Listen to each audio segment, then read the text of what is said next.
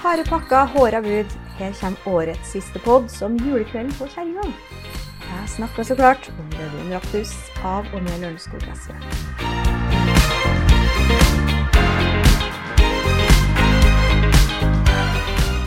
Inger Dyrnes heter jeg, og med meg i studio har jeg gruppeleder og styreleder Nancy Gokstad. Velkommen. Tusen takk skal du ha. Nå nærmer det seg jul, men før vi kommer så langt, så må vi runde med en liten pod om budsjettet, og ikke minst hva som er best av mjuke og harde pakker. Hva liker du best, Nancy? Åh, det, det er egentlig et lett spørsmål, for det spiller Oi. Ja, her, her bør vi legge til jul! at eh, Nancy har ordna seg med noen flotte julebjeller, som egentlig er i penn. Så hver gang du prøver å skrive noe, så gleder vi oss litt ekstra til jul. Da blir det Og eh, jul. teknisk ansvarlig fortviler, men eh, sånn er det. Sånn er det. Jo, myke eller eh, harde pakker. Eh, alle tror at jeg er helt eh, vill etter gaver og må ha gaver og skal ha gaver. Sånn er det ikke. Jeg kunne veldig godt ønske meg en jul uten gaver. Eh, men jeg vil gjerne gi gaver. Jeg syns det er veldig, veldig hyggelig å gjøre det. Eh, men det er ikke viktig, altså.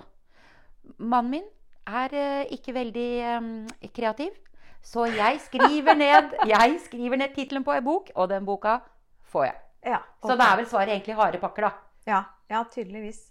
Ja, nei, jeg har gitt beskjed om at uh, jeg har lyst til å bli overraska. Det er jo ikke noe artig å Det er i hvert fall mindre artig å vite om det, tenker jeg. Men du er fortsatt ung, vet du.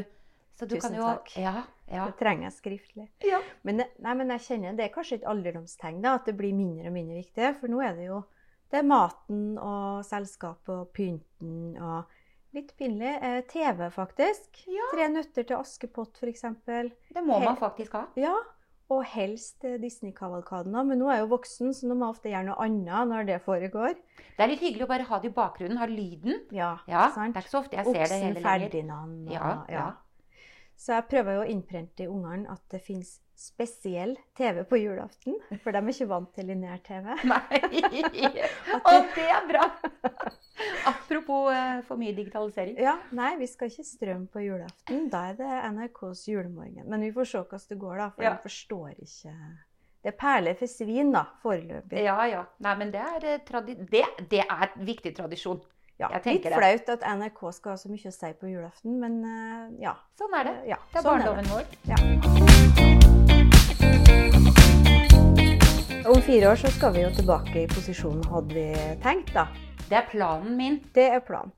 Men uh, per nå så er det litt uh, håra bud og litt mer smalhans i opposisjonen, hans. Men noe får vi jo til, da. Vi gjør det, vet du. Altså, for det første så må Jeg må jo berømme høyresida i Lørenskog litt, for de er ikke så spinnville som i noen av nabokommunene. Mm. Sånn at eh, budsjettmøtet var en smooth og god uh, prosess. Mm. Og, og budsjettet er ikke halvgærent. Men noe er det selvfølgelig.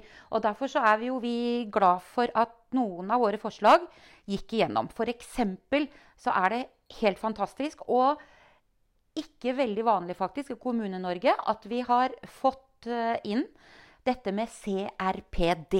Altså det ja, må du jeg vet. forklare. Jeg vet. Det er litt, eh, det er litt trøblete. Eh, vi skal legge FN-konvensjonen om rettigheter til mennesker med nedsatt funksjonsevne Mm. i all saksbehandlinga vår. Det er litt sånn tung materie, det her, men veldig, veldig viktig. For å ta det sånn superenkelt, Ja, da. jeg må ha et praktisk eksempel, kjenner jeg. Ja, det skal du få. For jeg, jeg skjønner at det her er litt uh, tungt. For eksempel, det kommer uh, 20 cm med snø.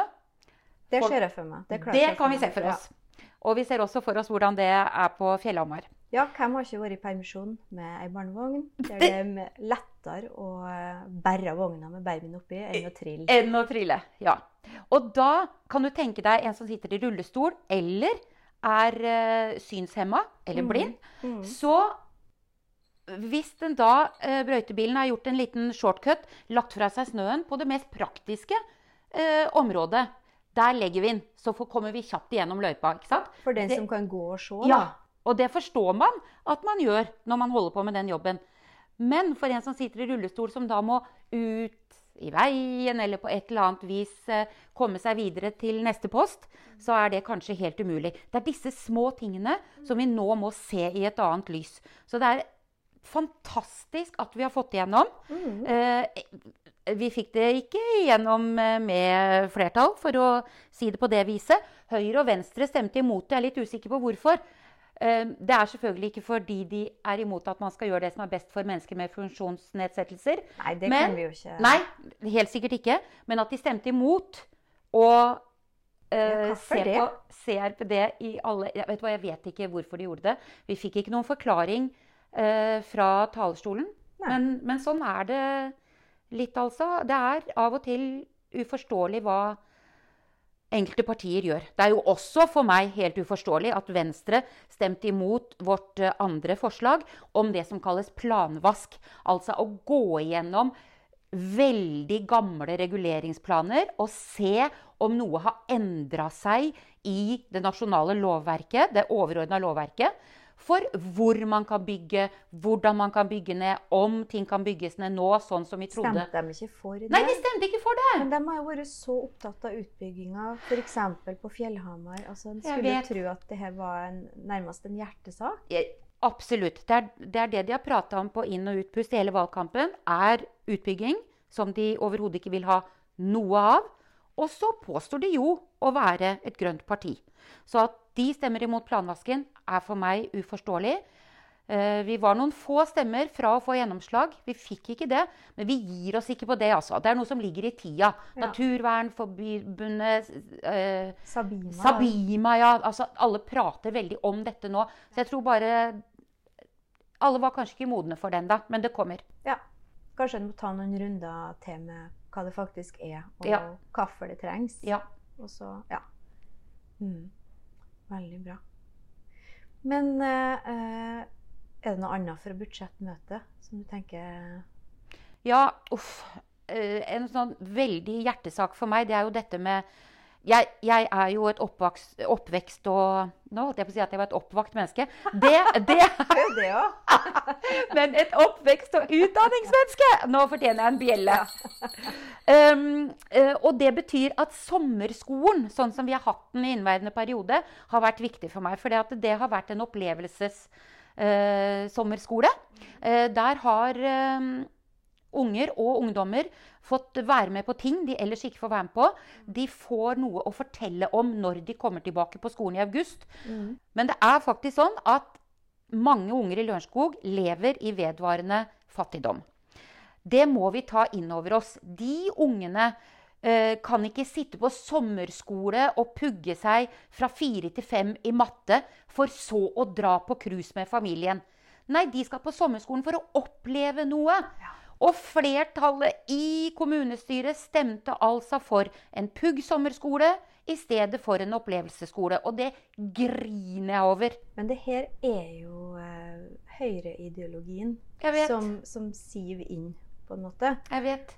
Fordi at tanken er nok god, ikke sant? Det tror jeg oppriktig at de mener at det her vil være en støtte og en styrke for elever som er ja, kanskje faglig svake, da, har en Mm. mulighet til å ta igjen et etterslep og, Mm. og starte på ny frisk med en, ja, med en liten boost før i neste skoleår. ikke Mm. sant? Så jeg tror at eh, det er på en måte et ønske om å hjelpe. ikke sant? Det springer ut fra det.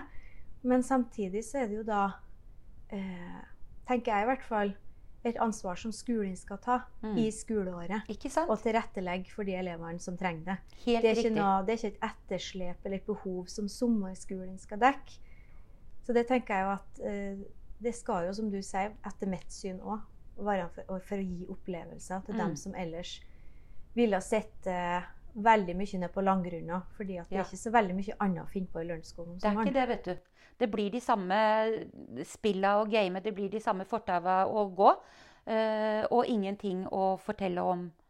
Og ingenting å leve på resten av året. Altså, det, er, det er det vi må gi. Mm. Eh, og du har selvfølgelig rett. Altså, Høyre mener jo at det beste vi kan gjøre, er å la ungene pugge.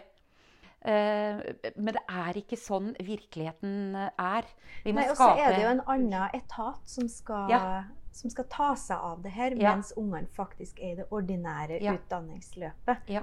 Så skal vi øke gjennomsnittet på ungdomsskolen med en karakter, ja, da må vi sette inn flere lærere, flere voksenpersoner, og gi lærerne et arbeidsvilkår som gjør at det er bedre å jobbe på skolen. Altså Det er alle de store, systematiske tingene vi må gjøre.